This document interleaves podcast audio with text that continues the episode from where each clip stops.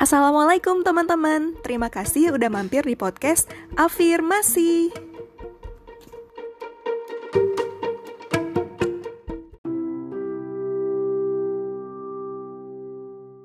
Oke, bismillahirrahmanirrahim. Kali ini gue pengen bahas topik yang kayaknya sih ini belum pernah dibahas ya sama orang lain, uh, yaitu gimana sih rasanya jadi anak biologis dakwah nah, kenapa gue pengen bahas ini? Sebetulnya gue merasa berempati aja sih kepada seorang tokoh yang sedang dihujat oleh publik karena kabar tidak enak gitu dari beliau yang itu juga belum tentu betul dan belum tentu salah gitu ya.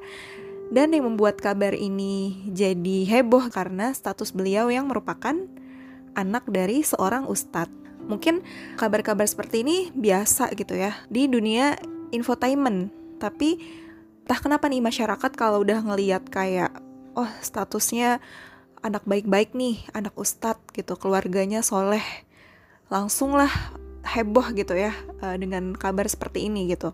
Gue sebenarnya pengen coba membuka suatu diskusi gitu kali ya terkait ini uh, gue sebenarnya pengen ngejelasin gitu kepada ya mungkin yang denger podcast gue emang sebenarnya gimana sih rasanya jadi dia gitu ya? Atau judulnya gimana rasanya jadi anak biologis dakwah?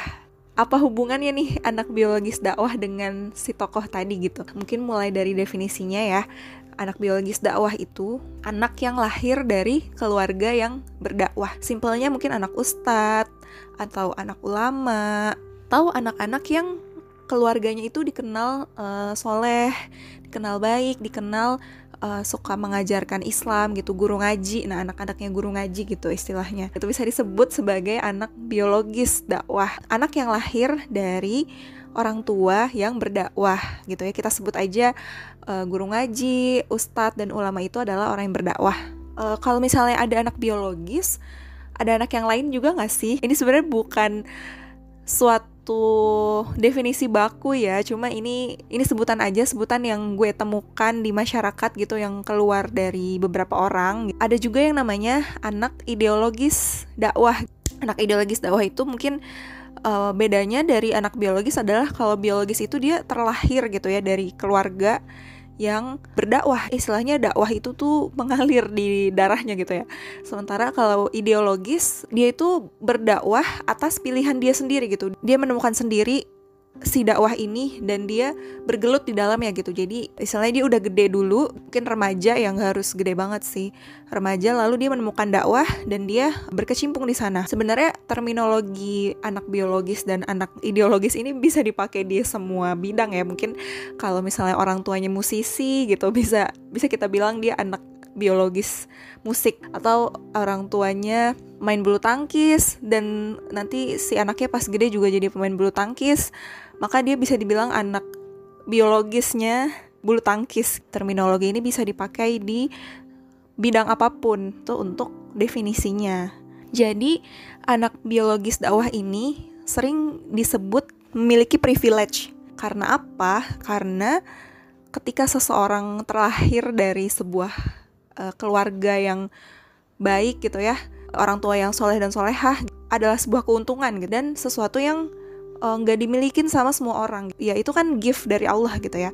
Uh, rezeki dari Allah untuk terlahir dalam keluarga yang uh, soleh dan soleha tapi gue pengen jelasin dulu nih mindset tentang privilege apa sih yang harus kita gunakan di sini? Mungkin selama ini kita berpikir privilege itu adalah sesuatu yang orang lain punya dan kita nggak punya dan kita biasanya fokus kepada kepemilikannya gitu ya. Kayak wah dia privilege-nya cantik atau wah dia privilege-nya pintar dari lahir atau uh, dia privilege-nya kaya dan sebagainya atau ya dia privilege-nya lahir dari keluarga yang uh, baik. Tapi teman-teman, yang pertama yang mau gue bilang adalah setiap manusia itu terlahir dengan privilege-nya masing-masing. Jadi jangan sampai lupa nih ketika kita lihat orang lain punya privilege ya, ngelihat oh dia cantik, oh dia kaya, oh dia pinter dan sebagainya gitu. Kita jangan fokus sama dia aja, tapi kita juga harus fokus ke diri kita. Kita coba lihat apa sih yang kita punya. Karena setiap orang itu dilahirkan ya dengan privilege-nya masing-masing gitu. Begitu juga dengan ujian hidup. Jadi hukumnya sama nih kayak ujian hidup. Semua orang punya ujian hidup masing-masing yang kita nggak nggak tahu gitu ya. Dan kita juga punya privilege masing-masing yang mungkin orang lain nggak tahu. Uh, itu sih salahnya. Kadang kita tuh ngelihat mata kita terbuka lebar terhadap privilege orang lain, tapi kita tapi kita buta terhadap privilege yang kita punya gitu. Privilege itu macam-macam banget teman-teman. Kalian terlahir dari keluarga yang sehat itu jadi privilege juga. Atau kalian terlahir dari keluarga yang berkecukupan atau kalian terlahir dari keluarga yang aman damai sentosa gitu di perkotaan yang semua kebutuhannya ada mungkin juga sebuah privilege ya jadi yang pertama poinnya adalah kita semua punya privilege dan fokuslah pada privilege yang kita punya dan juga jangan silau duluan ngelihat privilege orang lain ya karena belum tentu orang itu bahagia dengan privilege-nya, oke? Okay? Nah, yang kedua tentang privilege, sebuah privilege itu akan berguna jika si yang punyanya memutuskan untuk memanfaatkannya. Jadi teman-teman privilege itu Allah berikan dengan suatu alasan gitu ya. Gak mungkin Allah tuh ngasih sesuatu secara sia-sia aja kan. Ketika kita menemukan privilege pada diri kita, maka privilege itu nggak akan jadi sesuatu yang besar, nggak akan berguna kalau nggak kita manfaatkan. Kita ambil contoh misalnya seseorang yang terlahir dari keluarga kaya raya, kemudian dia belajar dengan rajin dan akhirnya dia berhasil masuk ke universitas top di dunia ya.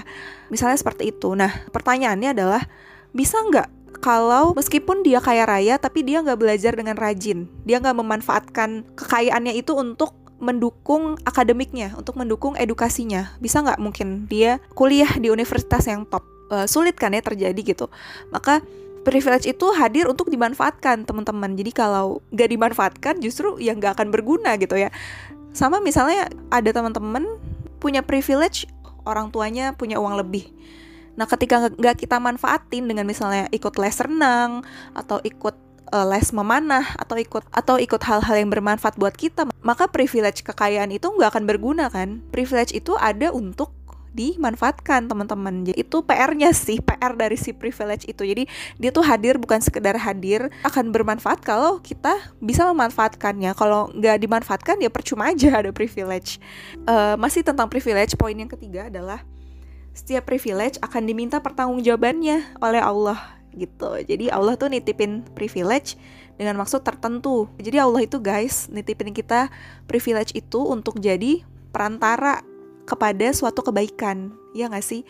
Misalnya tadi Allah nitipin uh, kalian misalnya dikasih harta yang banyak gitu ya, privilege uh, terlahir dari keluarga kaya. Maka sebenarnya Allah tuh lagi mengutus kita untuk menyalurkan harta kita ke orang-orang yang membutuhkan gitu teman-teman jadi kelebihan yang kita punya itu sebenarnya titipan dari Allah ya yang harus kita bagikan gitu privilege itu bisa dibilang perantara kepada suatu kebaikan uh, perantara bagi kebaikan yang bisa kita kasih untuk umat. Tiga hal itu teman-teman yang harus kita tahu ya tentang privilege bahwa nggak hadir cuma hadir aja gitu. Tapi yang pertama tadi kita semua punya privilege.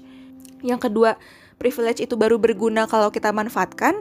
Dan yang ketiga privilege itu ada pertanggungjawabannya. Kalau kayak gitu kita bisa memandang privilege secara fair gitu ya. Kita nggak nggak lagi menyalahkan keadaan kita nggak lagi menyalahkan Allah gitu dengan kenapa sih dia punya privilege kenapa aku nggak gitu. Karena ya kita belum nemuin aja privilege yang kita punya. Dan kalau ngelihat orang lain punya privilege sesuatu maka justru kita harus ngelihatnya kayak kasihan ya dia dikasih beban loh sama Allah. Privilege itu kan beban.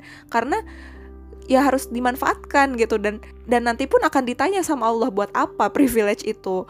Gimana pertanggungjawabannya gitu. Jadi uh, pertama itu teman-teman. Mungkin mulai tergambar lah ya teman-teman ketika ngelihat orang yang terlahir dari keluarga yang baik-baik itu soleh-solehah keluarga dakwah atau bisa dibilang anak biologis dakwah maka itu adalah privilege yang menyangkut tiga poin tadi. Kemudian gue pengen ngebandingin ya, uh, sebenarnya apa sih stigma orang terhadap anak biologis dakwah ini dan bagaimana fakta sebenarnya dari anak biologis dakwah ini gitu. Apakah stigma itu betul atau enggak ya? Oke, kita mulai dari poin pertama. Yang pertama adalah stigma orang kalau orang tuanya baik maka anaknya baik nah ini yang pasti melekat ya di masyarakat gitu kalau orang tuanya ustadz orang tuanya ulama anaknya pasti juga calon ulama gitu ya. Anaknya pasti juga nanti kalau gede jadi ustadz. Uh, biasanya kayak gitu stigma orang-orang. Dan stigma ini tuh melahirkan tuntutan di masyarakat teman-teman ya. Si anak ini bakal merasa tertuntut gitu bahwa oh ternyata orang-orang ekspektasinya besar ya sama gue gitu. Dan itu pertama jadi beban tersendiri untuk dia. Dan yang kedua sebetulnya jadi jadi bumerang juga untuk dia ketika dia melakukan sedikit kesalahan gitu ya. Bebannya di situ teman-teman. Ketika orang yang orang lain melakukan kesalahan, maka mungkin akan dianggap biasa aja sama masyarakat. Tapi ketika dia melakukan kesalahan, maka masyarakat akan menyorot dia habis-habisan dan dan menganggap dia tuh pengkhianat orang tuanya gitu. uh, kasarnya gitu ya. Dia bakal dianggap telah mengkhianati keluarganya dan sebagainya gitu ya. Padahal kesalahan itu bisa terjadi pada setiap manusia gitu ya. Uh, bahkan di anak biologis dakwah juga itu terjadi gitu pasti ada kesalahan. Stigma orang pertama kayak gitu, gitu. stigma yang kedua adalah ketika ngelihat anak biologis dakwah pasti kalian langsung mikir wah dia nggak pernah nakal nih. Dan pasti dia nggak pernah ngerasain yang namanya hijrah gitu ya. Mungkin tren hijrah itu banyak banget ya sekarang.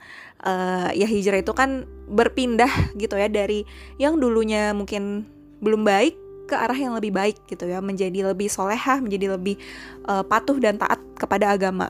Seperti itu. Padahal faktanya ya anak biologis dakwah itu juga mengalami proses hijrah melalui survei kecil-kecilan gue ya.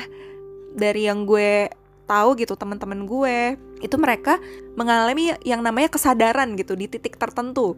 Jadi waktu kecil kebanyakan anak biologis dakwah ini ngerasa sebetulnya mereka bingung gitu. Ini orang tua gue ngapain sih gitu. Kebanyakan mereka tuh bingung kayak e, kok orang tua gue beda ya sama orang tua yang lain? gitu. Orang tua yang lain ngebolehin anaknya nggak pakai jilbab orang tua yang lain ngebolehin anaknya uh, begini-begini begitu-begitu gitu. Tapi kok orang tua gue malah nyuruh gue pakai jilbab malah nyuruh gue uh, baca Quran nyuruh gue ngafal Quran dan sebagainya. Itu sebenarnya menjadi suatu kebingungan tersendiri bagi si anak ini gitu ya. Anak ini bingung kenapa orang tuanya beda sama lingkungannya gitu ya. Apalagi ketika si anak itu tumbuh di uh, lingkungan yang umum di mana orang tuanya memang menjadi tokoh di sana gitu ya, menjadi sesuatu yang uh, center gitu ya, center dari masyarakatnya gitu karena seorang dai, seorang pendakwah, maka si anak ini akan cenderung mempertanyakan gitu sebenarnya gue ini siapa sih gitu? Kenapa gue beda gitu sama yang lain? Nah dari situ sebenarnya muncul potensi kenakalan gitu. Jadi uh, sebetulnya setiap anak itu punya kecenderungan untuk nakal dan biasanya anak-anak biologis dakwah ini juga mengalami fase nakal gitu ya fase nakal di usia-usia remaja gitu ya. Dan mereka juga mengalami fase hijrah gitu. Jadi uh, bisa dibilang awalnya mereka nih nggak terima gitu kenapa kenapa beda ya orang tua gue. Mereka bukan anak yang serta-merta menerima semua kebaikan orang tuanya gitu. Mereka mempertanyakan dulu. Ada momen di mana mereka mempertanyakan kenapa sih orang tua tuh nyuruh ini, nyuruh itu. Orang tua mentargetkan ini, mentargetkan itu gitu. Padahal teman-teman di sekitarku nggak kayak gitu gitu. Nah itu yang menjadi pemicu kenakalan si anak. Ya kebanyakan mereka juga mengalami fase kenakalan karena kebingungan yang mereka rasakan ya intinya anak-anak biologis dakwah ini mereka bukan berarti nggak pernah nakal dan nggak pernah hijrah ya. Mereka itu mengalami fase nakal dan fase hijrah. Kemudian ada yang menarik sebetulnya ya justru anak-anak biologis dakwah ini ketika mereka terlalu banyak terpapar oleh kebaikan gitu ya terlalu banyak terpapar sama hal positif waktu mereka kecil sampai dewasa gitu maka sebetulnya ada fase ya. Akan ada fase di mana mereka tuh penasaran sama hal negatif. Kalian kebayang nggak? Orang-orang yang hijrah itu kan kebanyakan karena mereka tuh udah capek gitu ya terpapar sama hal negatif sehingga itu tuh jadi bumerang buat mereka.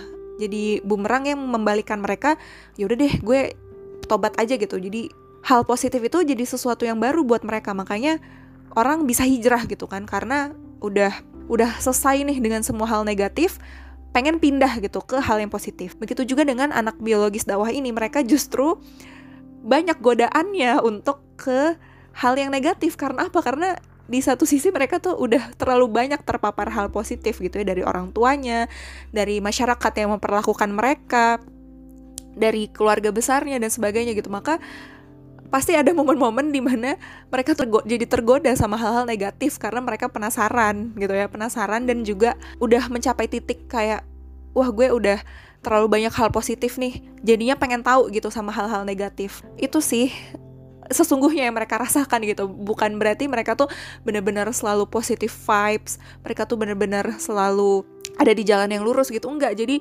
liku-likunya tuh juga banyak gitu ya. Banyak juga dari mereka yang bahkan nggak menerima kondisi orang tuanya yang berdakwah. Yaitu sebenarnya bisa jadi pengaruh lingkungan mereka juga gitu. Jadi seperti itu teman-teman. Kemudian stigma yang ketiga adalah Nah, ini stigma yang melekat juga di masyarakat berkat tokoh yang di awal tadi uh, gue singgung ya. Stigmanya adalah anak-anak biologis dakwah ini bakal menikah muda. Ya, jadi memang banyak orang yang beranggapan kalau anaknya ustadz, anaknya ulama, anaknya pendakwah itu akan menikah dengan cepat gitu. Kenapa? Karena kita tahu ya di masyarakat kita ada pandangan bahwa semakin baik agamanya, maka akan semakin berani untuk menikah gitu ya. Jadi di masyarakat kita itu menganggap orang-orang yang menikahnya cepat ini berarti agamanya bagus gitu dan sebaliknya gitu orang-orang yang agamanya bagus itu akan menikah cepat gitu karena apa? Karena pernikahan itu ada sisi realistisnya dan ada sisi keimanannya teman-teman ya. Jadi bisa dibilang orang-orang yang agamanya kurang bagus itu sering kali dinilai lebih realistis menganggap pernikahan sehingga uh, pernikahan itu butuh persiapan yang banyak dan endingnya adalah butuh usia yang dewasa untuk menikah. Tapi orang-orang yang agamanya lebih baik dipandang akan menganggap menikah itu adalah ibadah yang harus disegerakan gitu ya. Yang namanya ibadah bagaimanapun keadaannya harus disegerakan seperti itu. Jadi itu sih pandangan yang cukup realitanya seperti itu gitu ya. Tapi kenyataannya juga nggak seperti itu gitu. Nggak semua anak biologis dakwah itu menikah muda. Kenapa? Karena sebetulnya sebagai anak biologis dakwah ada ada tantangan juga dalam mendapatkan jodoh.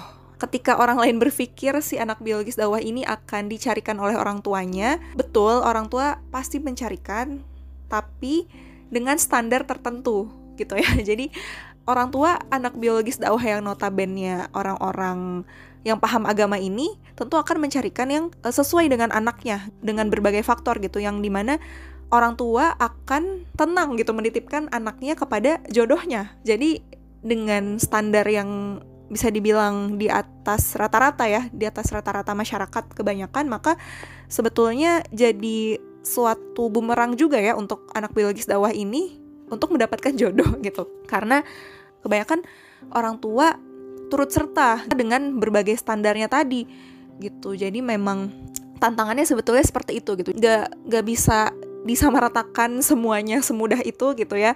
Bahwa bahwa anak biologis dakwah itu pasti menikah dengan cepat menikah muda karena banyak juga sebetulnya tantangan yang harus mereka lewati sebelum menikah. Jadi itu teman-teman stigma yang beredar di masyarakat dan fakta sebetulnya dari anak biologis dakwah ya. Kalau ditanya rasanya gimana ya rasanya bersyukur banget sebetulnya ya. Bersyukur banget. Cuma terbebani juga sih sebetulnya ya. Terbebani dengan diamanahkan oleh Allah sebagai orang yang harus melanjutkan perjuangan orang tuanya gitu ya. Jadi di satu sisi bersyukur tapi di sisi lain juga rasanya ya itu terbebani dengan stigma masyarakat dan terbebani dengan amanah yang Allah berikan kepada orang tua kita. Semuanya pasti ada plus minusnya ya teman-teman. Mau kita terlahir seperti ini, terlahir seperti itu, mau terlahir dengan privilege ini, dengan privilege itu, pasti semuanya ada hikmahnya. Dan yakinlah bahwa keadaan kita adalah keadaan yang terbaik yang Allah bisa berikan untuk kita. Di mana tugas kita adalah dengan keadaan itu, dengan keadaan yang Allah berikan ini, apakah kita bisa memaksimalkan potensi diri kita sehingga menjadi hamba Allah yang maksimal gitu ya? Yang maksimal dalam artian maksimal amalnya sehingga bisa membawa kita ke surga nanti gitu teman-teman jadi memang kita harus memahami gitu ya keadaan setiap orang jangan sampai kita langsung memberikan justifikasi tanpa kita coba tabayun dulu gitu ya. Sekian ngobrol-ngobrol hari ini, mudah-mudahan bermanfaat. Sampai jumpa di podcast selanjutnya. Dadah.